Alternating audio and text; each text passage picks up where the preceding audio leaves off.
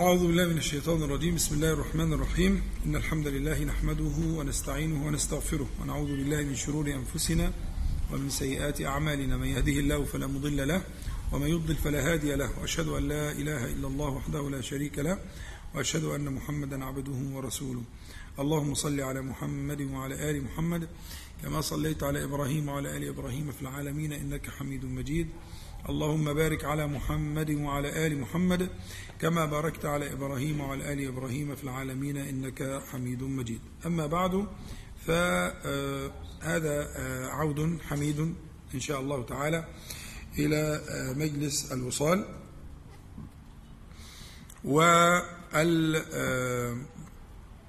والمجاهدات التي نتفق عليها في مقامات التعبد والتقرب إلى الله تبارك وتعالى. والليلة إن شاء الله تعالى نذهب إلى كنز من كنوز تلك المجاهدات التي تيسر كثيرا من الصعاب وتقرب البعيد. معنى كنز الليل إن شاء الله. هذا الكنز هو مفتاح لأبواب الخير. مفتاح لأبواب الخير لأعظم أبواب الخير. فقد صح أن النبي صلى الله عليه وسلم قال مفتاح الصلاة الطهور. مفتاح الصلاة الطهور. وفي هذا تنبيه من النبي عليه الصلاة والسلام إلى أن باب الصلاة مغلق. وله مفتاح له مفتاح. هذا المفتاح يفتح الباب الذي يأتي منه الخير الكثير الذي أودعه الله تبارك وتعالى في الوصل معه سبحانه وتعالى في الصلاة وفي مناجاته جل جلاله في الصلاة. الباب مغلق لأن كلمة المفتاح المفتاح ده في, في, في عرف الناس بيبقى شيء صغير حجمه صغير ولكنه يفتح شيئا كبيرا جدا ضخما. والباب يظل مغلقا إلا أن يفتح بمفتاحه. فإذا قال النبي صلى الله عليه وسلم مفتاح الصلاة الطهور علمت أن هذا الأمر هو الذي سيفتح لك ما أودع الله سبحانه وتعالى من البركات ومن الأنوار في الصلاة. فأنت لما تيجي تقول لي الطهور طب ما إحنا كلنا بنتطهر يعني. يعني إيه ال ال ال السر في مسألة أو ما الفقه في مسألة الطهور؟ إحنا اتفقنا ان إن الأعمال لها ظواهر ولها بواطن ولها حقائق. كل الأعمال الأذكار والصلوات والامر والنهي عن المنكر والدعوة الله تبارك وتعالى والصدقات كل الأعمال لها ظاهر ولها حقائق. حقائق اودعها الله سبحانه وتعالى في تلك الأعمال الظاهرة. فأنا أبحث معك الليلة إن شاء الله تعالى في حقيقة الطهور في حقيقة الطهور الطهارة. الطهارة لها حقيقة. وكما أن هناك ظاهر للطهارة فهناك باطن للطهارة. ظاهر الطهارة الطهارة هي في, في الفقه لو بندرس فقه الطهارة بتبقى من طهارة حاجة اسمها طهارة النجس وحاجة اسمها طهارة ها الحدث. النجس والحدث. طهارة النجس دي اللي قلناها المرة اللي فاتت اللي هو في الخلاء اللي هو إزالة ما يكون من النجاسات. تمام؟ يبقى طهارة النجس في, في, في الظاهر إزالة النجاسة. تمام؟ من البدن ومن الثوب ومن المكان اللي انت هتصلي فيه. دي اسمها طهارة الايه؟ النجس. طهارة الحدث أن يرفع الحدث. أن, أن, أن يرفع فالحدث ده بيقسموه لقسمين حدث أصغر وحدث أكبر. تمام؟ فإما يرفع بال بال بال بالوضوء أو ما يقوم مقام الوضوء كال كالتيمم أو يرفع الحدث الأكبر بالغسل. ده الفقه ده الظاهر. لكن في الحقيقة في أحداث وفي أنجاس باطنة. في أحداث وأنجاس باطنة. والله تعالى يقول كما في سورة الأنعام وذروا ظاهر الإثم وباطنه. ذروا يعني اتركوا. اتركوا. ظاهر الإثم وباطنه. إذا فهنا في نص قرآني محكم على أن للإثم إيه؟ باطن. طب ظاهر الاسم معروف الكلمة النظرة الجوارح بتجني كيف تجني لكن هناك بواطن للاسم. هناك بواطن للاسم. فكما أن هناك تطهير للظواهر فهناك تطهير للبواطن. وأنت ترجو بتطهير الظاهر من الأحداث ومن الأنجاس أن يطهر الله تبارك وتعالى الباطن من كده. بمعنى إن مثلا من ال من ال من, من الأحداث ومن الأنجاس آه، آه، الممكن تكون آه، من البواطن زي مثلا الغل أو الحقد أو الحسد أو الكبر. كل دي نجسات. تنجس الباطن وتحرمه مما سنبينه إن شاء الله تعالى. فأنت محتاج إلى وسيلة توصلك إلى تطهير الباطن وما فيش أعظم من الوسيلة التي شرعها الحكيم العليم سبحانه وتعالى. فالله عز وجل ألا يعلم من خلق وهو اللطيف الخبير هو الذي شرع لك وسيلة تبلغك ها؟ ها؟ هذا المكنون المستور. تبلغك ذلك. القلب ملكه ملك الله تعالى. يعني أنت لا صرفة لك في قلبك. صح. مش كده؟ واعلموا سورة الأنفال. واعلموا أن الله يحول بين المرء وقلبه. فالله حال بينك وبين قلبك. فإذا لا سبيل لك إلى قلبك إلا بالله. فإنك هتتوسل إلى الله سبحانه وتعالى بوسيلة ما هنتكلم عليها. ليبلغك المراد من قلبك. يعني انت مالكش حيلة في قلبك. اوعى تفتكر انك انت مثلا قررت انك تنفي الحقد عن قلبك أو النظر فيما في ايدي الناس. واحد قلبه متعلق باللي في ايدين الخلق. من المال من الولد من الجاه من السلطان من الصحة من العافية. مشغول مشغول دائما مشغول وقلبه مشغول دائما بإيه؟ بما في أيدي الناس. هو مش هيقدر ياخد قرار أن يطهر قلبه من هذه النجاسات. محال. ليه؟ لأنه قد حيل بينه وبين قلبه فلا سبيل إلا أن يتوسل إلى الله سبحانه وتعالى. بوسيلة كما قال سبحانه وتعالى يا أيها الذين آمنوا اتقوا الله وابتغوا إليه الوسيلة. أن يتوسل إليه سبحانه وتعالى بوسيلة تبلغه المراد من إيه؟ من باطنه فيبلغه الله سبحانه وتعالى ما أراد من إيه؟ أو ما يرجو من طهارة الباطن من هذه النجاسات. وقيس على كده بقى سائر ما يكون من هذه الذي الملوثات التي تلوث البواطن. فالتوسل التوسل بطهارة الظاهر إلى طهارة الباطن. حين أنت تتوسل بطهارة الظاهر أن يبلغك الله سبحانه وتعالى طهارة الإيه؟ الباطن. وهذا من الوسيلة المأمور بها شرعا. وهي قاعدة جميلة آه، عند أهل العلم. اسمها التوسل بسوابق الإحسان إلى مزيد الإحسان. يعني بمعنى إيه؟ بمعنى أن ربنا سبحانه وتعالى مكنك من أشياء وحال بينك وبين أشياء. صح؟ يعني مثلا لو اتفقنا دلوقتي إن شاء الله الجمع المبارك كله يقوم يتوضأ. ممكن. ربنا مكننا من كده. مكننا إن إحنا لو حبينا نقوم نتوضأ دلوقتي هنتوضأ.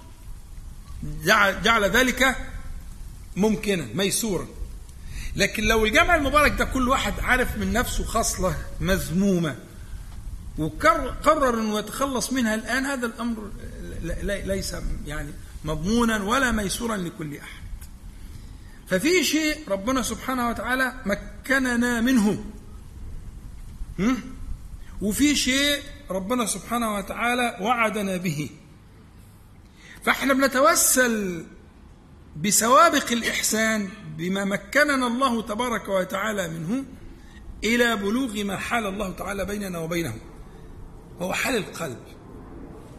فإذا الطهارة الظاهرة لمن وفق على الحقيقة أن يستعمل الطهارة الظاهرة في آه، آه، آه، بلوغ طهارة الباطن. هذا هو الطريق هو ده العنوان اللي إحنا عايزين نفصل فيه الليلة دي إن شاء الله. عايزين ندرس كيف الإنسان بيتوضأ في اليوم والليلة عدة مرات وممكن يغتسل فهذه الأدوات والوسائل التي يمكن أن يستثمرها الناصح لنفسه الفاهم عن الله ورسوله صلى الله عليه وسلم ممكن أن يستثمرها في أن يبلغ بذلك طهارة الباطن إذا توسل بها إلى الله سبحانه وتعالى. يبقى هذه القاعدة، القاعدة العامة القاعدة العامة أنك تتوسل بسوابق الإحسان إلى مزيد الإحسان. تتوسل بطهارة الظاهر إلى طهارة الباطن بعدما علمت أن آه، آه، آه، الطهور هو مفتاح الخير كله إن كان مفتاحا للصلاة كما قال عليه الصلاة والسلام في الحديث الصحيح مفتاح الصلاة الطهور فباب الصلاة موصل. يعني أنت تصلي مش حاسس بالصلاة مش حاضر. ها؟ تعال نتفاهم الأول في إعدادك للصلاة. جوارحك يا أخي الكريم مثقلة. جوارحك مثقلة عينيك مثقلة آذانك مثقلة لسانك مثقل. قد ثقلت تلك الجوارح بما تعلم منها وما لا تعلم. بما تذكر منها وما لا تذكر. بما أحصيت ولم تحصي وأحصاه الله عليك. إذا فتيجي تخش الصلاة تلاقي القلب والعقل والعين والأذن.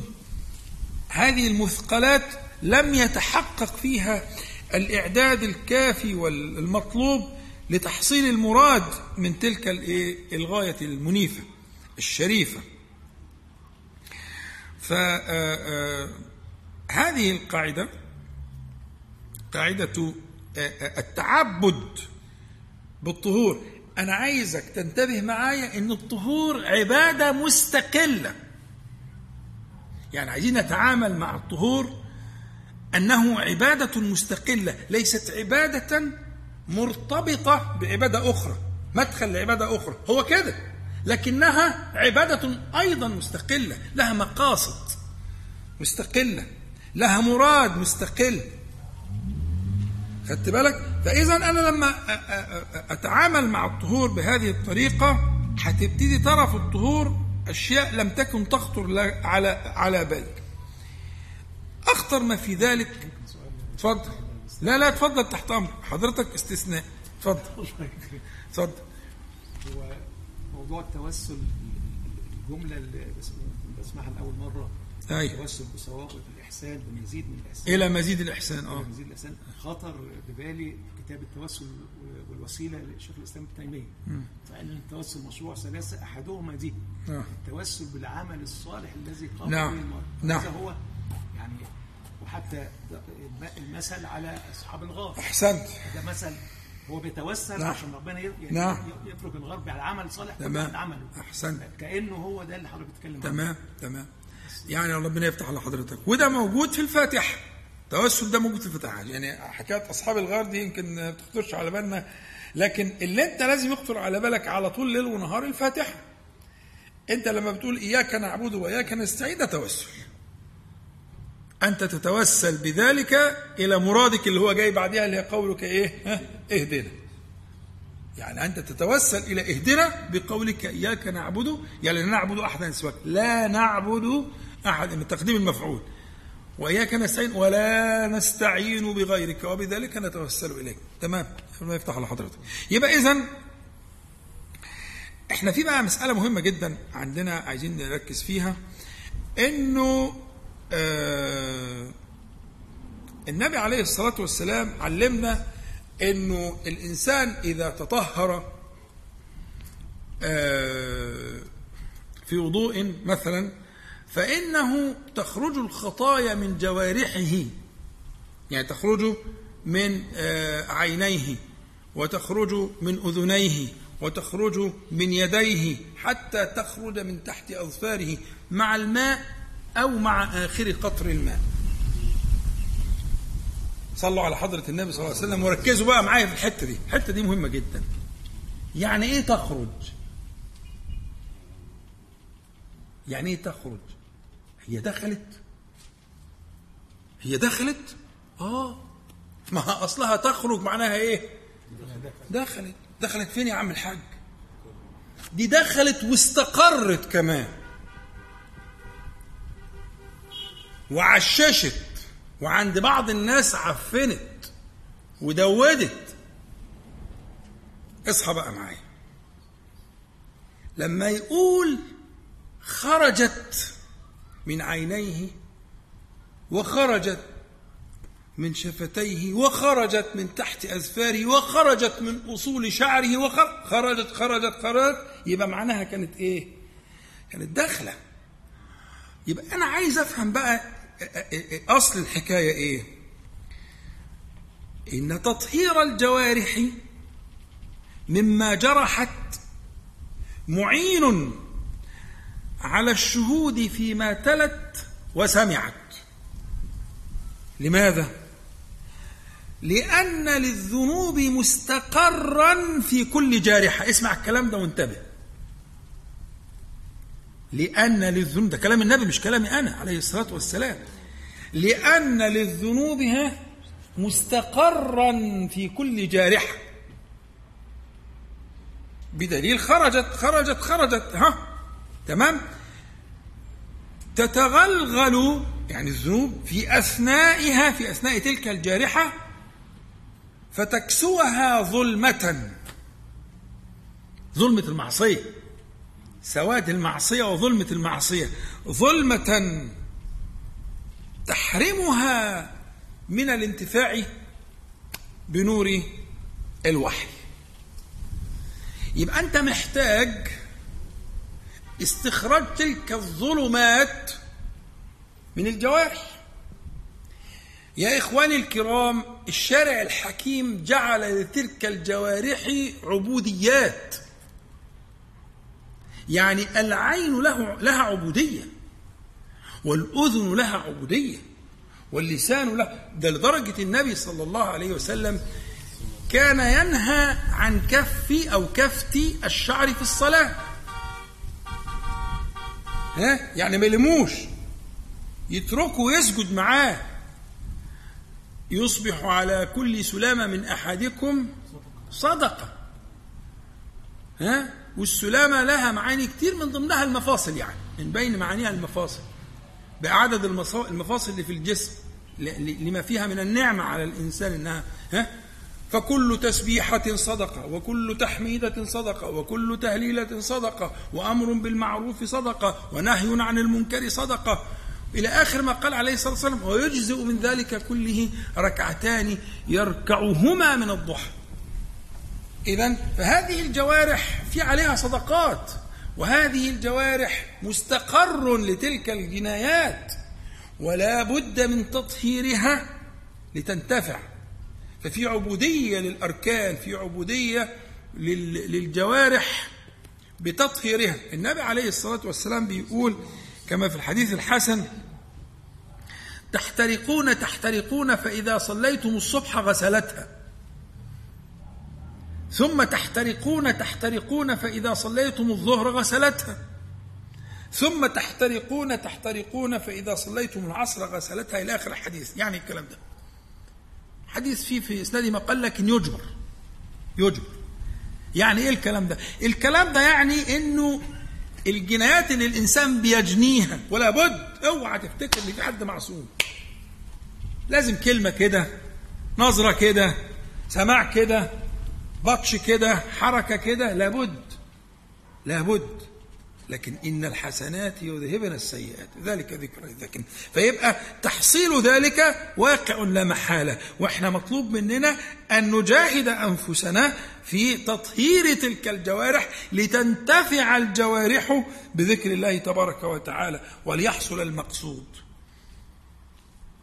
تطهر الجوارح لتنال حظها من العبودية. ها؟ فللعين عبودية وللأنف عبودية وللسان عبودية وللأذن عبودية. وهذه المعاصي وظلمتها تحول بينك وبين تلك العبوديات.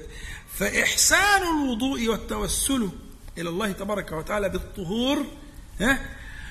يستل ذلك استلال شوف كلمة استلال كلام النبي عليه الصلاة والسلام. يستلها استلالا يعني إيه؟ يسلكها كده يطلعها من بين التعقيدات والاشتباكات الداخلية كما تستل الشعرة من العجين.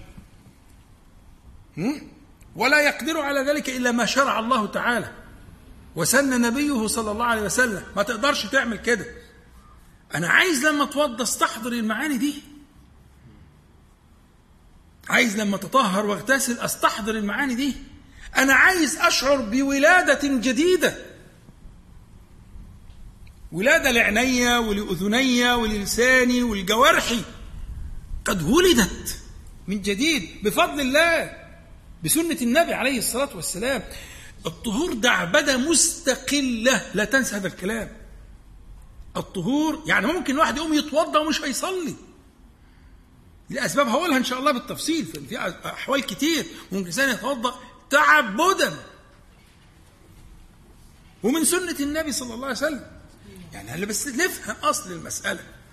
أصل المسألة إن الجوارح حصل لها اللي أنت عارفه. وجنت ما جنت. وتغلغل فيها ما تغلغل. إنها تريد استلالا. حاجة بقى إيه؟ عندها القدرة على الاستلال. أن يستل ذلك استلالا من بين ثنايا تلك الجوارح. واخدين بال حضراتكم؟ يبقى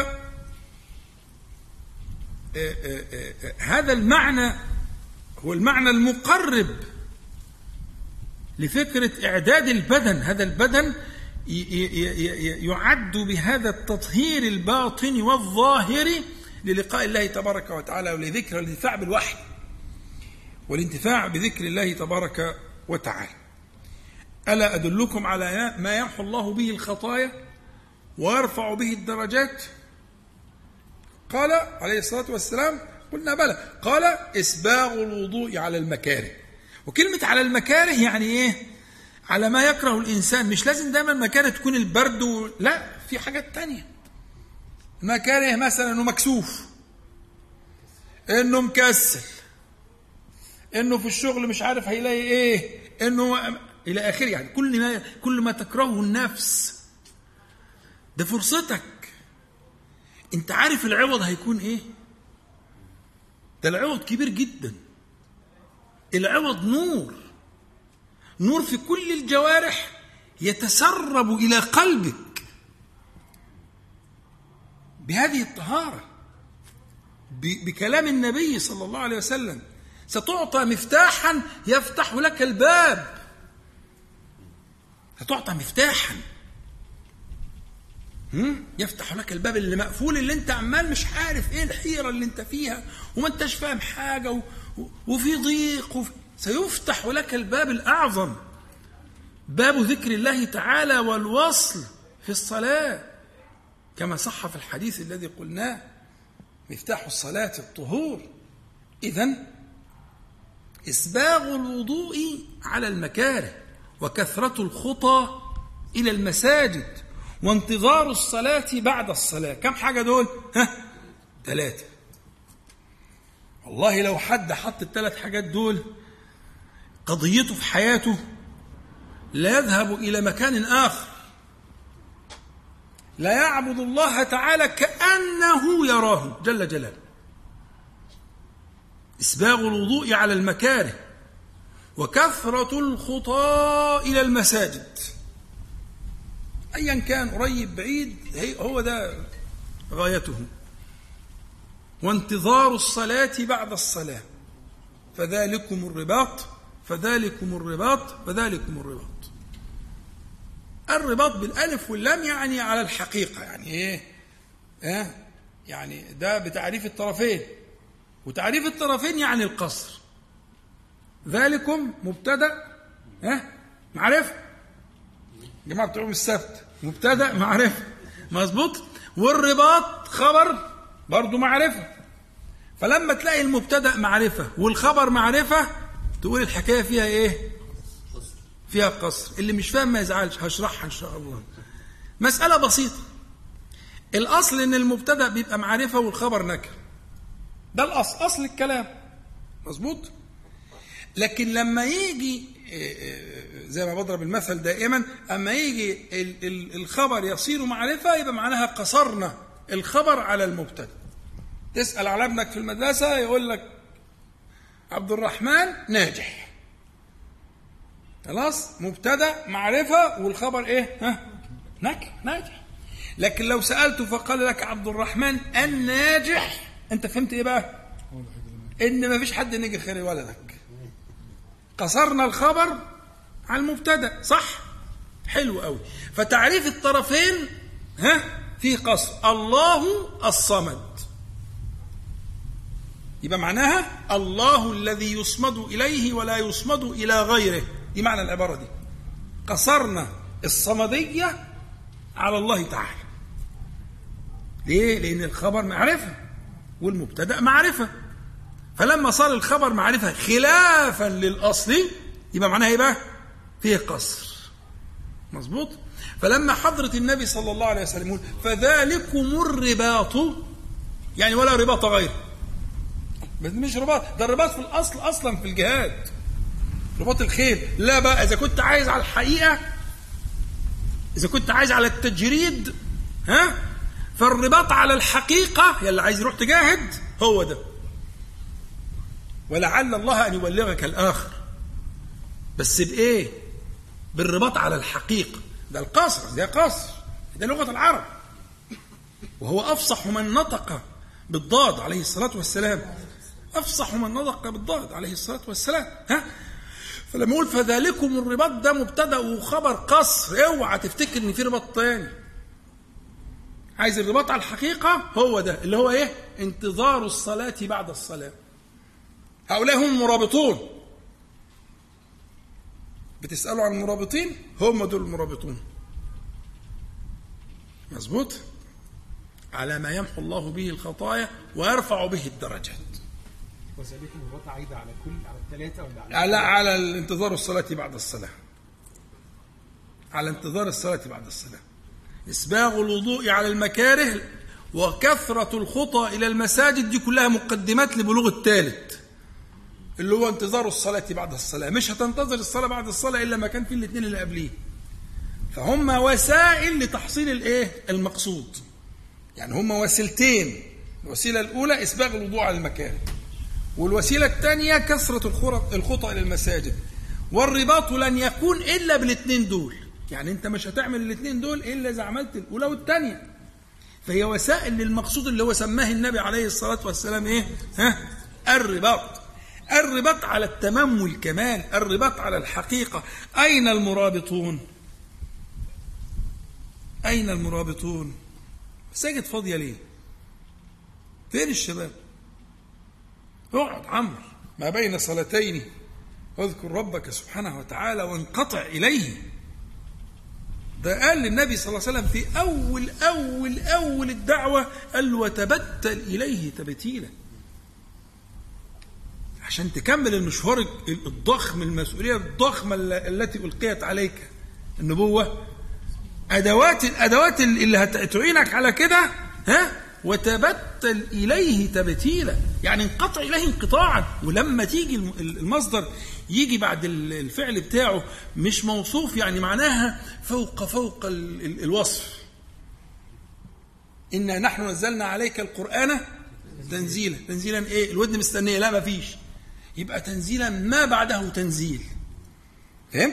لما تلاقي المصدر جاي بعد الفعل من غير ما يكون موصوف ده الغرض منه المبالغة إنه بلغ الغاية التي يعجز الوصف عن بيانها. ما فيش وصف ينفع هنا؟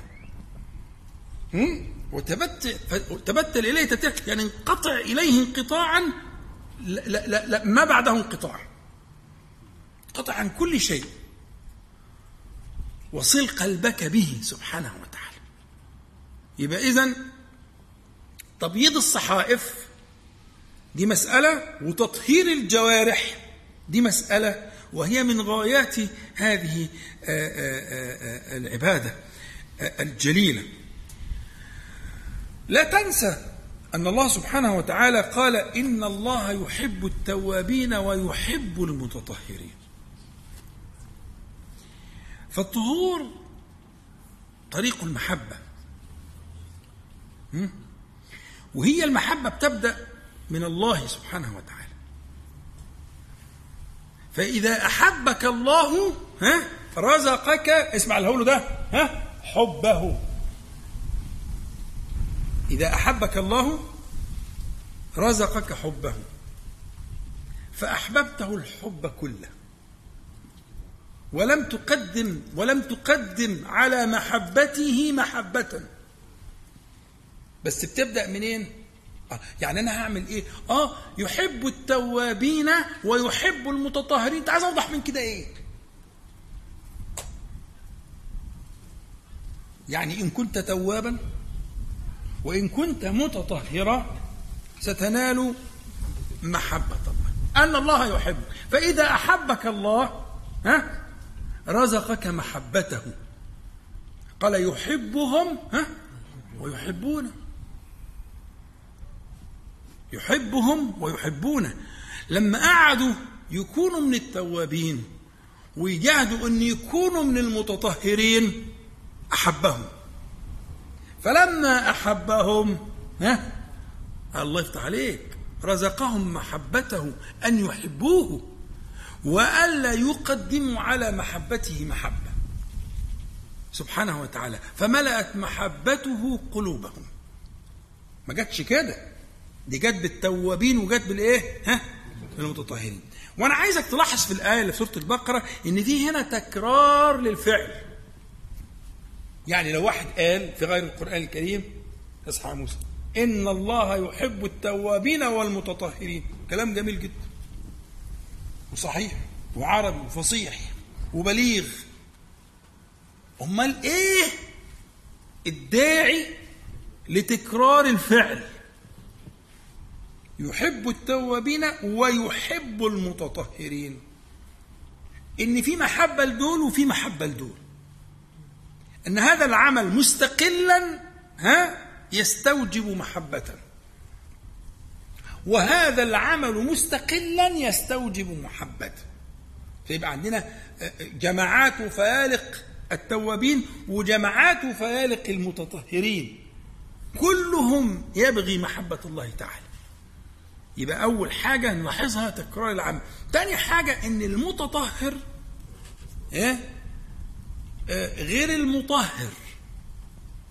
ففي هنا زيادة في البناء زيادة تاء يعني الزيادة أي زيادة في المبنى تفيد زيادة في المعنى. قاعدة. أي زيادة في في حروف ال ال ال الكلمة تفيد زيادة في معنى الكلمة. لازم يكون في زيادة. فالمتطهر غير المطهر. المتطهر متفعل يعني متكلف مبالغ محقق بيتابع سنة النبي صلى الله عليه وسلم في الطهارة وبيدقق وحريص ويتطهر لكل صلاة ولكل وقت ويعظم ذلك ويتطهر للتعبد ولذكر الله تبارك وتعالى وللمكث في المسجد. مش قلنا انتظار الصلاة بعد الصلاة على طهارة يعني. ها شرطها ذلك. ما لم يحدث ما لم يؤذي فيه ما لم يحدث فيه. فعايز يقوم ويتوضأ ويرجع تاني قاعد في المسجد. ينتظر مستني الرأي مستني المكافأة. ما يمحو الله به الخطايا ويرفع به الدرجات. هو قاعد عشان كده. مش مشغول بحاجة تانية. ها؟ إسباغ الوضوء على المكاره وكثرة الخطى إلى المساجد وانتظار الصلاة بعد الصلاة. إذا فهو طريق محبة الله عز وجل. إن الله يحب التوابين ويحب المتطهرين. آه من أجل وأجمل وأعظم ما ترجوه من وراء حرصك على التطهر أن أن تفوز باللقاء المرتقب. أن تفوز باللقاء المرتقب. واحد يكون عنده معد غالي قوي قوي على قلبه وقاعد يجهز له زمان طويل ويعد نفسه له ها؟ بيبقى متشوق لهذا الايه الموعد. طب إيه علاقة يا عم الطهارة باللي انت بتقوله ده؟ لا العلاقة صريحة واضحة زي الشمس. إيه بقى الحكاية؟ النبي عليه الصلاة والسلام يقول وددت أن لو رأينا إخواننا يقول الكلام ده للصحابة رضي الله عنهم. وددت أن لو رأينا إخواننا قالوا أولسنا إخوانك يا رسول الله؟ قال لا أنتم أصحابي. ولكن إخواننا أناس يأتون من بعدي. يود أحدهم لو رآني بأهله وماله. يعني أن يبذل كل شيء ليراني. اللهم اجعلنا منهم يا رب العالمين عليه الصلاة والسلام. خلاص؟ ففاهم الصحابة دول إخوان النبي عليه الصلاة والسلام. وإخوان الصحابة طبعا? أناس يأتون من بعدي. يود أحدهم لو رآني بأهله وماله. فواحد من الصحابة قال كيف تعرفهم؟ إذا كان كده ما شفتهمش. تعرف طب أنت عارفنا إحنا أصحابك. فكيف تعرفهم؟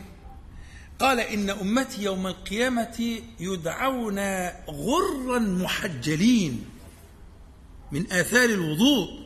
لأنه هو في رواية في السائل قال له كيف تعرفهم من الأمم من نوح إليك؟ في رواية صحيحة. برضه صحابي بيفهم. هتعرفهم إزاي؟ ده الأمم كتير. والناس كلها شبه بعض. كيف تعرفهم؟ فقال عليه فإذا دي من خصائص اصحى بقى معايا ها؟ من خصائص أمة النبي عليه الصلاة والسلام. والله إن المفرط في الطهور لمحروم. والله أكرر إن المفرط في الطهور لمحروم. اللي بيتوضى مرة في اليوم ده مسكين. اللي بياخد له خمس ست صلوات مع بعض ده كده ده ظالم نفسه. خدت بالك؟ إن أمتي يدعون يوم القيامة غرا محجلين من آثار الوضوء. فهذا يا أخي الكريم هذا اللقاء المرتقب.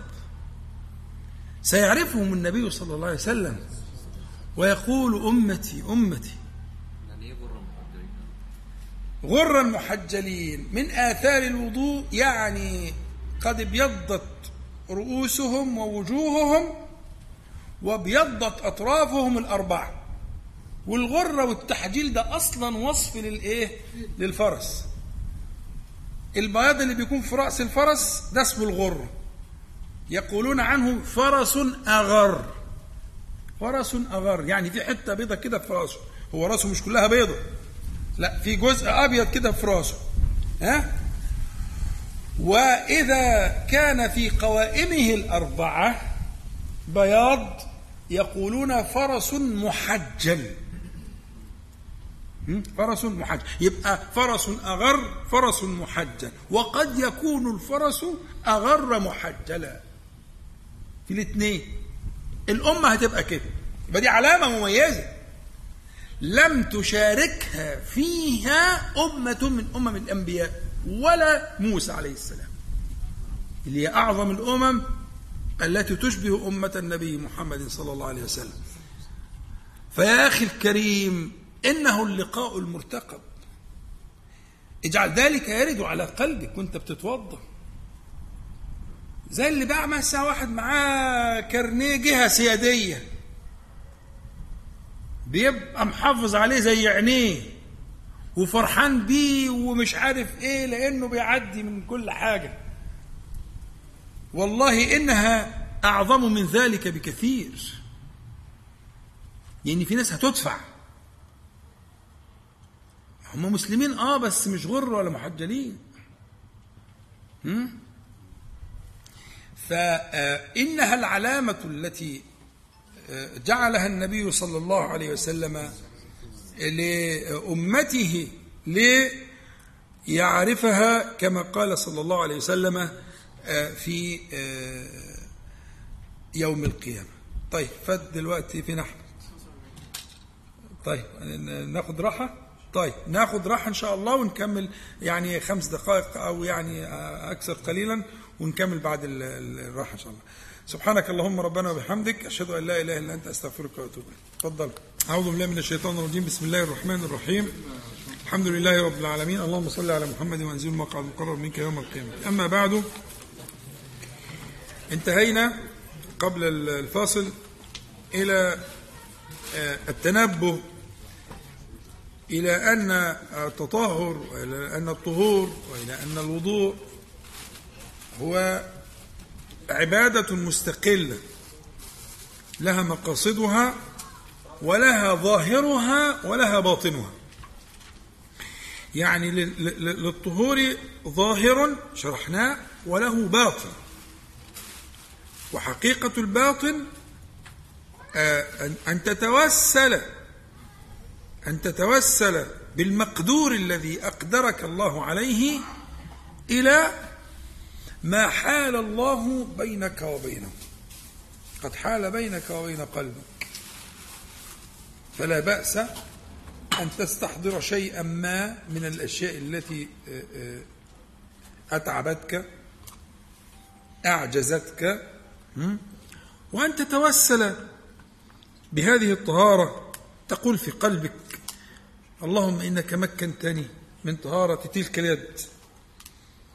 أو تلك القدم. فكما مكنتني من ذلك فاللهم طهر بذلك آه، ذلك الأمر من قلبي وأخرجه. التوسل بسوابق الإحسان وموعود الله تعالى لا يخلف. سبحانه وتعالى. تمام؟ طيب. آه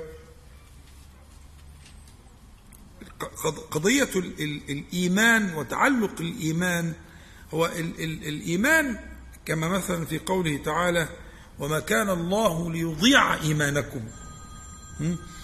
دي في قضية تحويل القبلة. يعني صلاتكم. وما كان الله ليضيع صلاتكم. يعني التي كانت إلى إلى الشمال. إلى قبلة الشمال. إلى بيت المقدس. لكن لماذا سماها إيمانا؟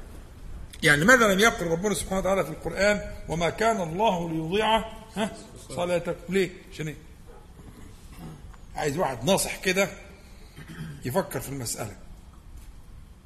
أنت لما تفتح التفسير تلاقي وما كان الله ليضيع ايمانكم يعني صلاتكم. صح؟ مش كده ولا إيه؟ كل التفاسير بتقول كده. لأن هم اليهود قعدوا لهم يعني أنتوا كنتوا طب الصلاة دي راحت فين؟ طب الحاجات بقى اللي أنتوا عارفينهم بتوع الإيه؟ الإعلام والفيس بتاعهم كان عندهم فيس برضه بس على قدهم يعني. ويقعدوا بقى يقولوا الكلام الخايب بتاعهم ده ومش عارف إيه. فربنا تعالى قال وما كان الله ليضيع إيمانكم. طب لماذا قال إيمان؟ لم يقل صلاتكم. حد عنده جواب؟ قال يعني لو الصلاة راحت هيفتني مش صدرهم اللي عملوه في الصلاة اللي فاتت. راح. فده هيسبب يعني تثبيت الصلاة إيمان. علشان إيه بقى؟ لماذا سمى الله تعالى الصلاة إيمانا؟ ده سؤالي. اتفضل. في حديث. في القلب إعداد في القلب وإعداد في الجوارح وإعداد يعني الإنسان قبل الدخول في الصلاة؟ في إعدادات إيمانية يحضر قلبه ويحضر جوارحه فإذا ضاعت الصلاة اللي هي المؤخرات النتائج يعني فكأنها ضاعت أضاعت طيب كويس. كلام كويس.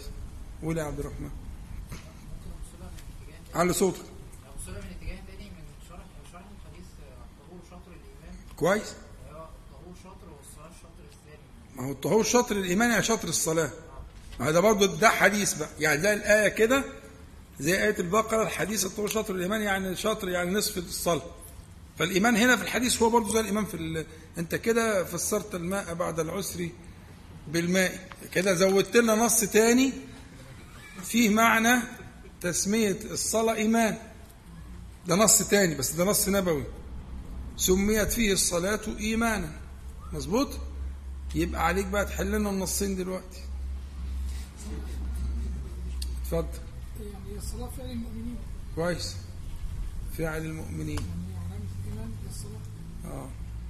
تمام. الحديث.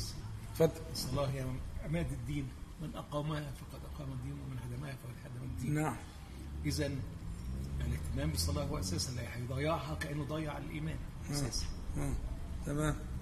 بمقدماتها بقى بالطهور بال يعني نعم. مجموعة الأعمال. آه. يعني مجموعة الأعمال كلها بتاعت الصلاة. من بدء من الأذان للوضوء المشي إلى المسجد للصلاة انتظار الصلاة للصلاة. دي كلها أعمال إيمان. تمام. طيب. صلوا على حضرة النبي صلى الله عليه وسلم. في لسان العرب في لسان العرب أحيانا ال- ال- اللسان العربي يسمي الحاجة ببعض أجزائها أو ببعض آه، أركانها. تنبيها على آه، آه، وظيفة الركن ده في السياق اللي بيجي في الكلام. تمام؟ يعني مثلا أحيانا ربنا سبحانه وتعالى يسمي الصلاة قيام أو أحيانا يسميها ركوع وأحيانا يسميها سجود ركعة ركعتين يعني ركعتين بس يعني ما سجدش. هو ركع ركعتين يعني ما- سجدش؟ لا يا عمي. اذا فتسمية الشيء ده كلام العرب لسان العرب. تسمية الشيء ببعض أجزائه أو أركانه هذا من لسان العرب. بس بيبقى فيه إيه؟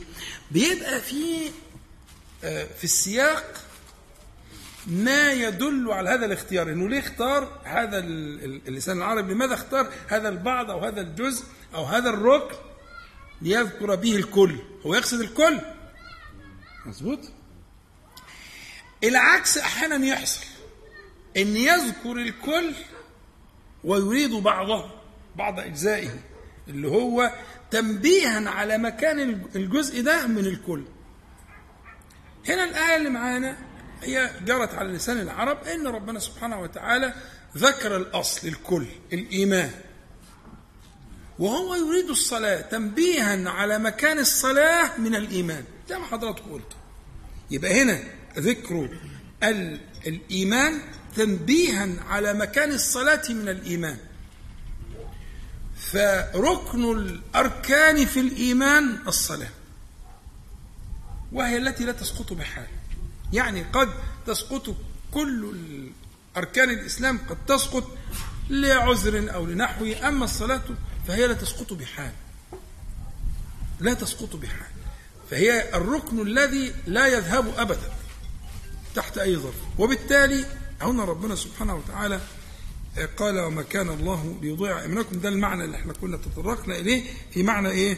في معنى أنه آية الإيمان. عندنا الحديث ال- ال- الشهير الجميل هو قول النبي صلى الله عليه وسلم استقيموا ولن تحصوا. استقيموا ولن تحصوا واعلموا أن خير أعمالكم الصلاة. ولا يحافظ على الوضوء إلا مؤمن. أحمد صلاح فين؟ أنا قدامي قد إيه عشان ده ياخد وقت الحديث ده ها؟ طيب نختصر إن شاء الله الحديث بيقول إيه؟ استقيموا ها ولن تحصوا يعني يأمر بشيء ولا مش هتقدر عليه الاستقامة معناها إيه؟ لزوم طاعة الله المستقيم؟ استقم كما أمر يعني إلزم طاعة الله تعالى إلزم هذا الأمر ولا تفارقه دي معنى الاستقامة بس يأمر صلى الله عليه وسلم بالاستقامة ويقول ولن تحصوا يعني لن تستطيعوا الإحصاء يعني كمال الاستقامة أو دوام الاستقامة. لابد من إيه؟ من سخطة لابد من غفلة لابد من نسيان لابد من سهو لابد من ضعف. لابد لابد لابد. ولن تحصوا. إزاي يبقى الحديث في أمر بحاجة وفي نفس الوقت يقول لك مش هتقدر تعملها؟ لا هي المسألة مش كده أنت مش فاهم كده. ده هي المسألة معناها إيه؟ جاهد نفسك في الاستقامة وسأدلك على شيئين تقيمك على الجاد. فإن لم تكن محصيا لكمال الاستقامة فلا تفرط فيما يأتيك. واعلموا أن خير أعمالكم ها؟ الصلاة. خير أعمالكم الصلاة. عظمها. اجعلها في المكان الذي اختاره الله تعالى له ربنا سبحانه وتعالى اختار لها مكانا. أبقى قاعد متدينين والأذان يأذن ويبتدي وينتهي وما حسوش. الناس دي فين يا جدعان؟ وناس ناس طيبة وناس حلوة كده زيكم. والأذان ابتدى وانتهى وهم مش هنا أصلا. ده الأذان ده فصل بين ما قبله وما بعده. ده كلمة أكبر دي ليست من أسماء الله تعالى. اسم الله تعالى الكبير المتكبر. لكن أكبر دي صفة. أفعل تفضيل.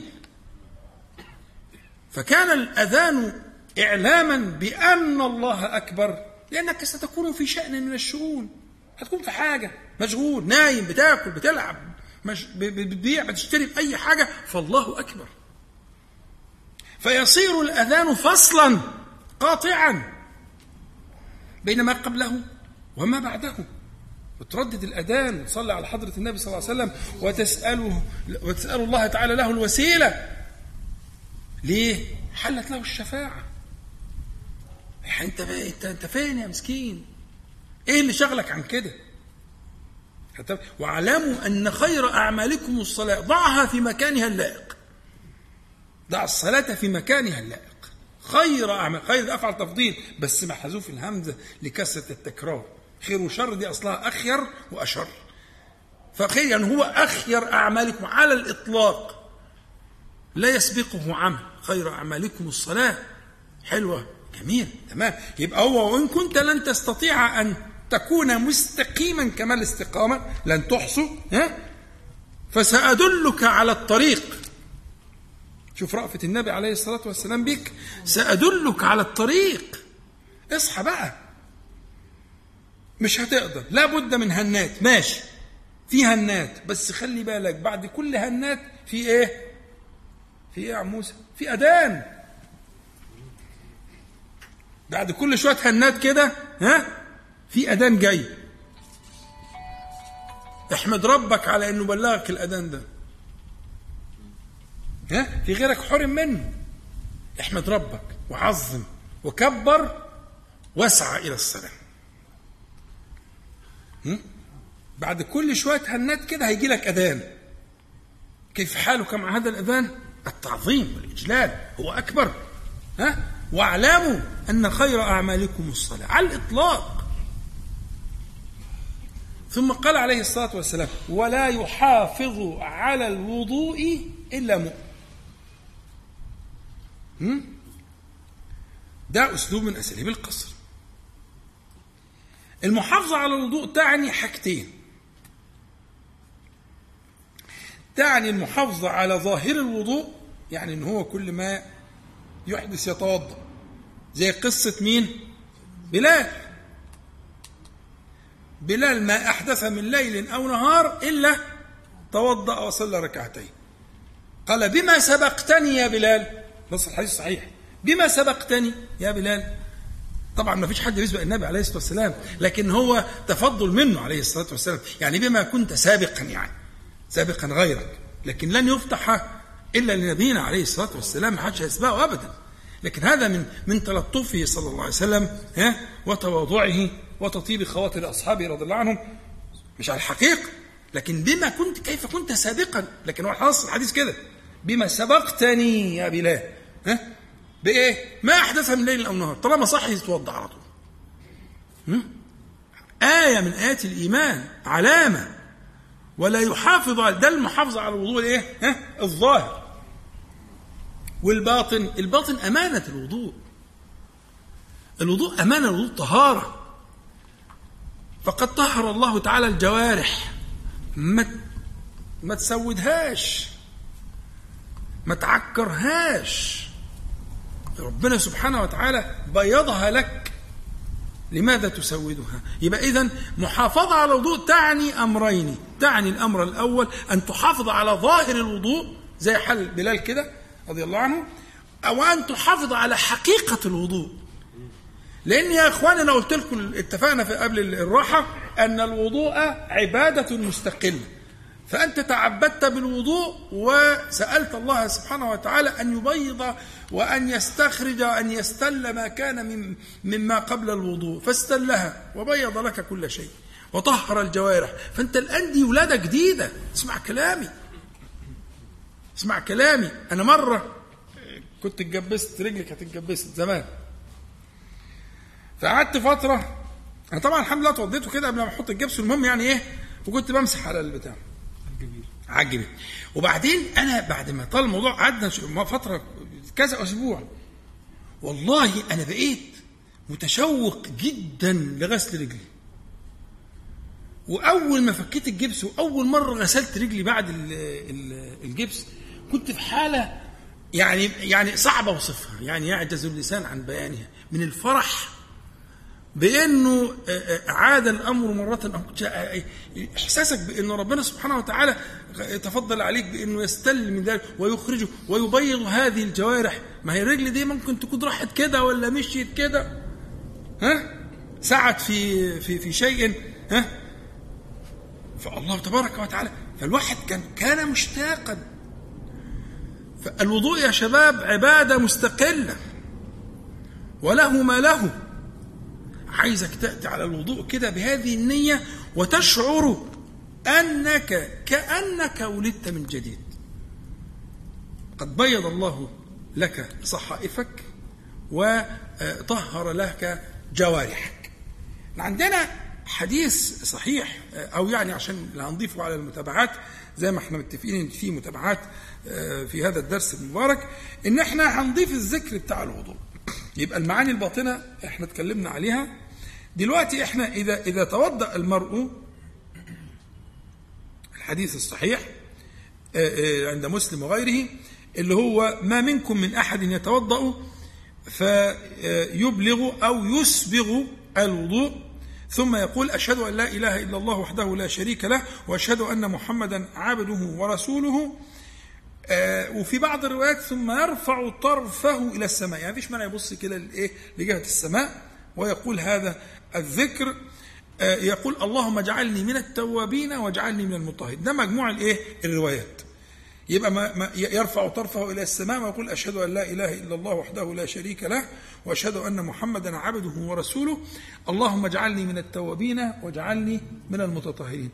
إلا فتحت له أبواب الجنة الثمانية. يدخل من أيها شاء. عبادة مستقلة ولا لا يا كابتن؟ والله عبادة مستقلة صدقوني. ماشي مش شرط تكون لصلاة ولا لغيره. واحد قام اتوضى فأسبغ الوضوء. توضى زي وضوء النبي عليه الصلاة والسلام من غير وسوسة. وضوء صحيح. تمام؟ واستحضر في قلبه المعاني اللي إحنا قلناها؟ وبعدين نظر ترفع الاسلام كده وقال إيه؟ أشهد أن لا إله إلا الله وحده لا شريك له وأشهد أن محمدا عبده ورسوله. اللهم اجعلني من التوابين واجعلني من المتطهرين. فتحت له أبواب الجنة الثمانية يدخل من أيها شاء. ده دي فيها فيها ابواب للمجاهدين وفيها باب للصائمين وفيها باب للمتصدقين. الدنيا فتحت للدرجة دي؟ إيه والله. بإيه؟ هو أنت رحت جاهدت ولا ولا بنيت لك 10 20 جامع ولا أنت عملت إيه بالظبط؟ أنت إيه اللي أنت عملته؟ ده كل اللي عملته إنك أنت قلبك كان حاضر وشاهد. قلبك كان شاهد.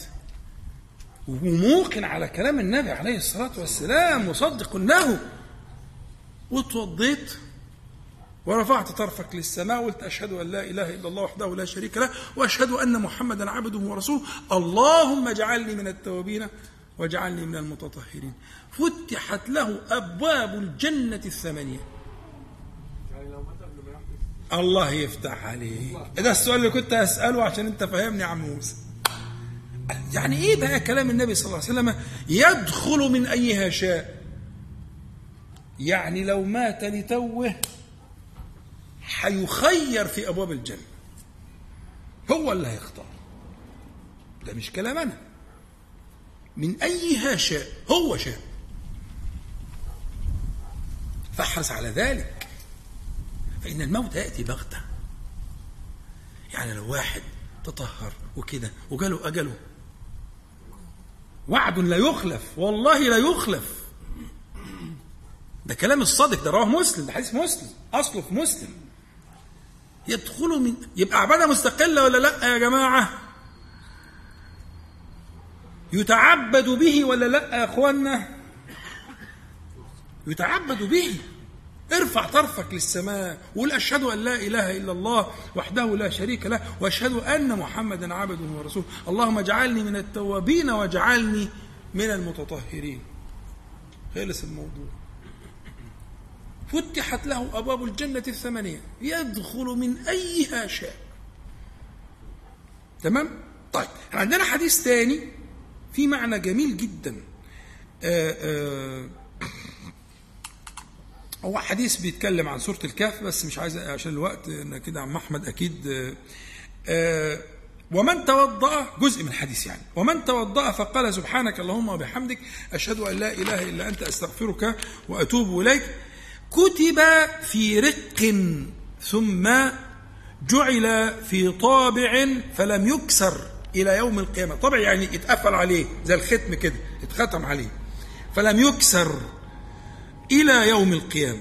وفي رواية ختم عليها بخاتم فوضعت تحت العرش فلم تكسر إلى يوم القيامة. اللي يقول سبحانك اللهم ربنا وبحمدك آآ آآ بعد الايه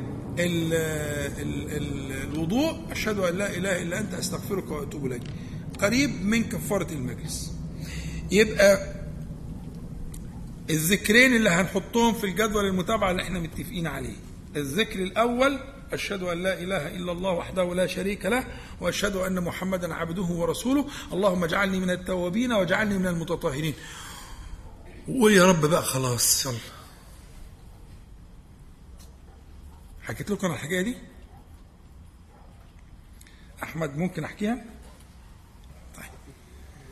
والله الحكاية دي أنا لما بحكيها أنا حكيتها عشرات المرات قبل كده. بس كل ما بحكيها بت... بتأثر فيك يعني. كان في واحد تاجر بني فاتورة كبير قوي عندنا في كان جارنا يعني. وكان راجل كبير كان كبير يعني. أنا مثلا كنت أنا حاجة و30 هو كان معدي 60 يعني. وكان مسرفا على نفسه. كان مسرفا جدا على نفسه. وكان في مجموعة تجار كده بيطلعوا كل سنة بيطلعوا حج وعمرة يلموا بعض ويطلعوا مش عارف إيه. فالمهم كان فيهم راجل كده كان اسمه الحاج أحمد يحيى الله يرحمه بقى. كان راجل هو يعني كان بيلم التجار الكبار دول ويروح طالع بيهم وكده ويعمل رحلة. فقعد يجي له المهم في سنه قال له هتطلع السنة دي؟ يعني هتطلع. انت كل سنة تهرب مننا ومش عارف إيه؟ هتطلع يعني هتطلع. فخرج الراجل طلع معاهم فعلا وعملوا عمره وهو مش عارف حاجة. طبعا يعلموه بقى معاهم ومش عارف إيه وبتاع وتسيب كذا وتسيب كذا ومش عارف إيه وتتوب عن كذا واخد بالك؟ وبعدين هم بقى إيه في الآخر خالص في طواف الوداع. عملوا طواف الوداع هذه رواية من الحاج أحمد نفسه الله يرحمه ليا. فعملوا طواف الوداع وبعد ما عملوا طواف الوداع فإيه أنت عارف العام بي إيه بيرجعوا بظهرهم بيحبوا يشدوا ظهرهم للكعبة وهم راجعين. يدانوا في الصحن كده راجعين بظهرهم ضرب عشان إيه؟ بيستحوا ان هم بعد ما طواف الوداع يروحوا مدين ظهرهم للكعبة وماشيين كده. فبيرجعوا بظهرهم ومستقبلين الكعبة كده لغاية لما يطلعوا من المطاف ويروحوا ماشيين بقى بعد كده. فهم بعد ما رجعوا كده وخلاص هيتدوروا. إيه يتدوروا كده. فالحاج أحمد يحيى قال له إيه؟ قال له يا فلان أنا طبعا مش هقول اسمه يعني قال له يا فلان خلي بالك أنت دلوقتي رجعت زي أمك ما ولدتك. لا تعمل كذا ولا تعمل مش عارف إيه وبتاع تتلم هنعمل فيك وهنسوي خلاص وربنا مسكوا ظبطوا هم لسه واقفين في الإيه في الصح كانوا تدوروا بقى إيه بدوا يطلعوا السلم عشان يدوروا ويطلعوا الإيه ما أعرفش بقى السلم دي موجودة دلوقتي ولا لأ. المهم يعني كان زمان. فإيه دوروا كده فهو راح عامل إيه؟ لما شد عليه جامد جدا. فراح متدور هو الشخص ده راح متدور للكعبة. والله هذا حصل. وقعد يقول إيه؟ يا رب دلوقتي يا رب دلوقتي يا رب دلوقتي والله قعد يقولها لغاية لما صوته يعلى. دلوقتي يا رب لا راح نازل. ومات. واستنوا الصلاة اللي بعديها وصلوا عليه في الحرم. عزم على الله. خدت بالك؟ لأن دوك قاعد يقول له انت ربنا رجعك زي ما قلتك خلاص ما عادش كل اللي فات ده راح. كل اللي فات راح. انت كده النهارده من أهل الجنة. اوعى تعمل اوعى تسوي هتشت علي شت علي جنة قال قعدت وصوتي لو مش عارف أعمل إيه وبتاع. راح متدور للكعبة.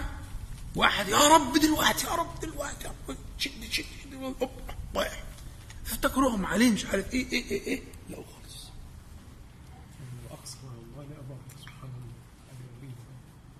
وكان في غاية الإسراف على نفسه. ومشهور.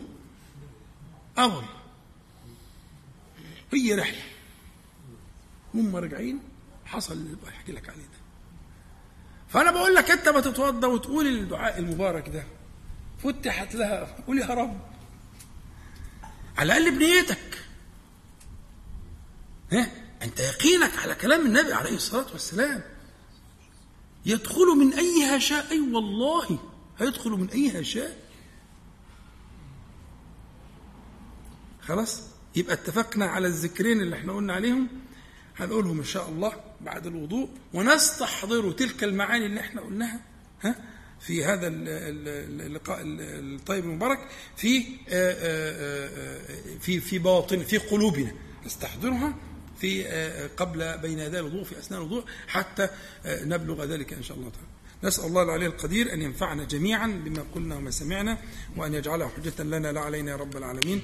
اللهم صل على محمد النبي وأزواجه أمهات المؤمنين وذريته وأهل بيته كما صليت على آل إبراهيم إنك حميد مجيد، اللهم اقسم لنا من خشيتك ما تحول به بيننا وبين معاصيك، ومن طاعتك ما تبلغنا به جنتك، ومن اليقين ما تهون به علينا مصائب الدنيا، اللهم متعنا بأسماعنا وابصارنا وقوتنا ما أحييتنا، واجعله الوارث منا، واجعل ثأرنا على من ظلمنا، وانصرنا على من عادانا، ولا تجعل مصيبتنا في ديننا، ولا تجعل الدنيا أكبر همنا ولا مبلغ علمنا، ولا تسلط علينا من لا يرحمنا. اللهم ربنا آتنا في الدنيا حسنة وفي الآخرة حسنة وقنا عذاب النار. اللهم صل على محمد النبي وأزواجه أمهات المؤمنين وذريته وأهل بيته كما صليت على آل إبراهيم إنك حميد مجيد. والحمد لله رب العالمين. نقول جميعا سبحانك اللهم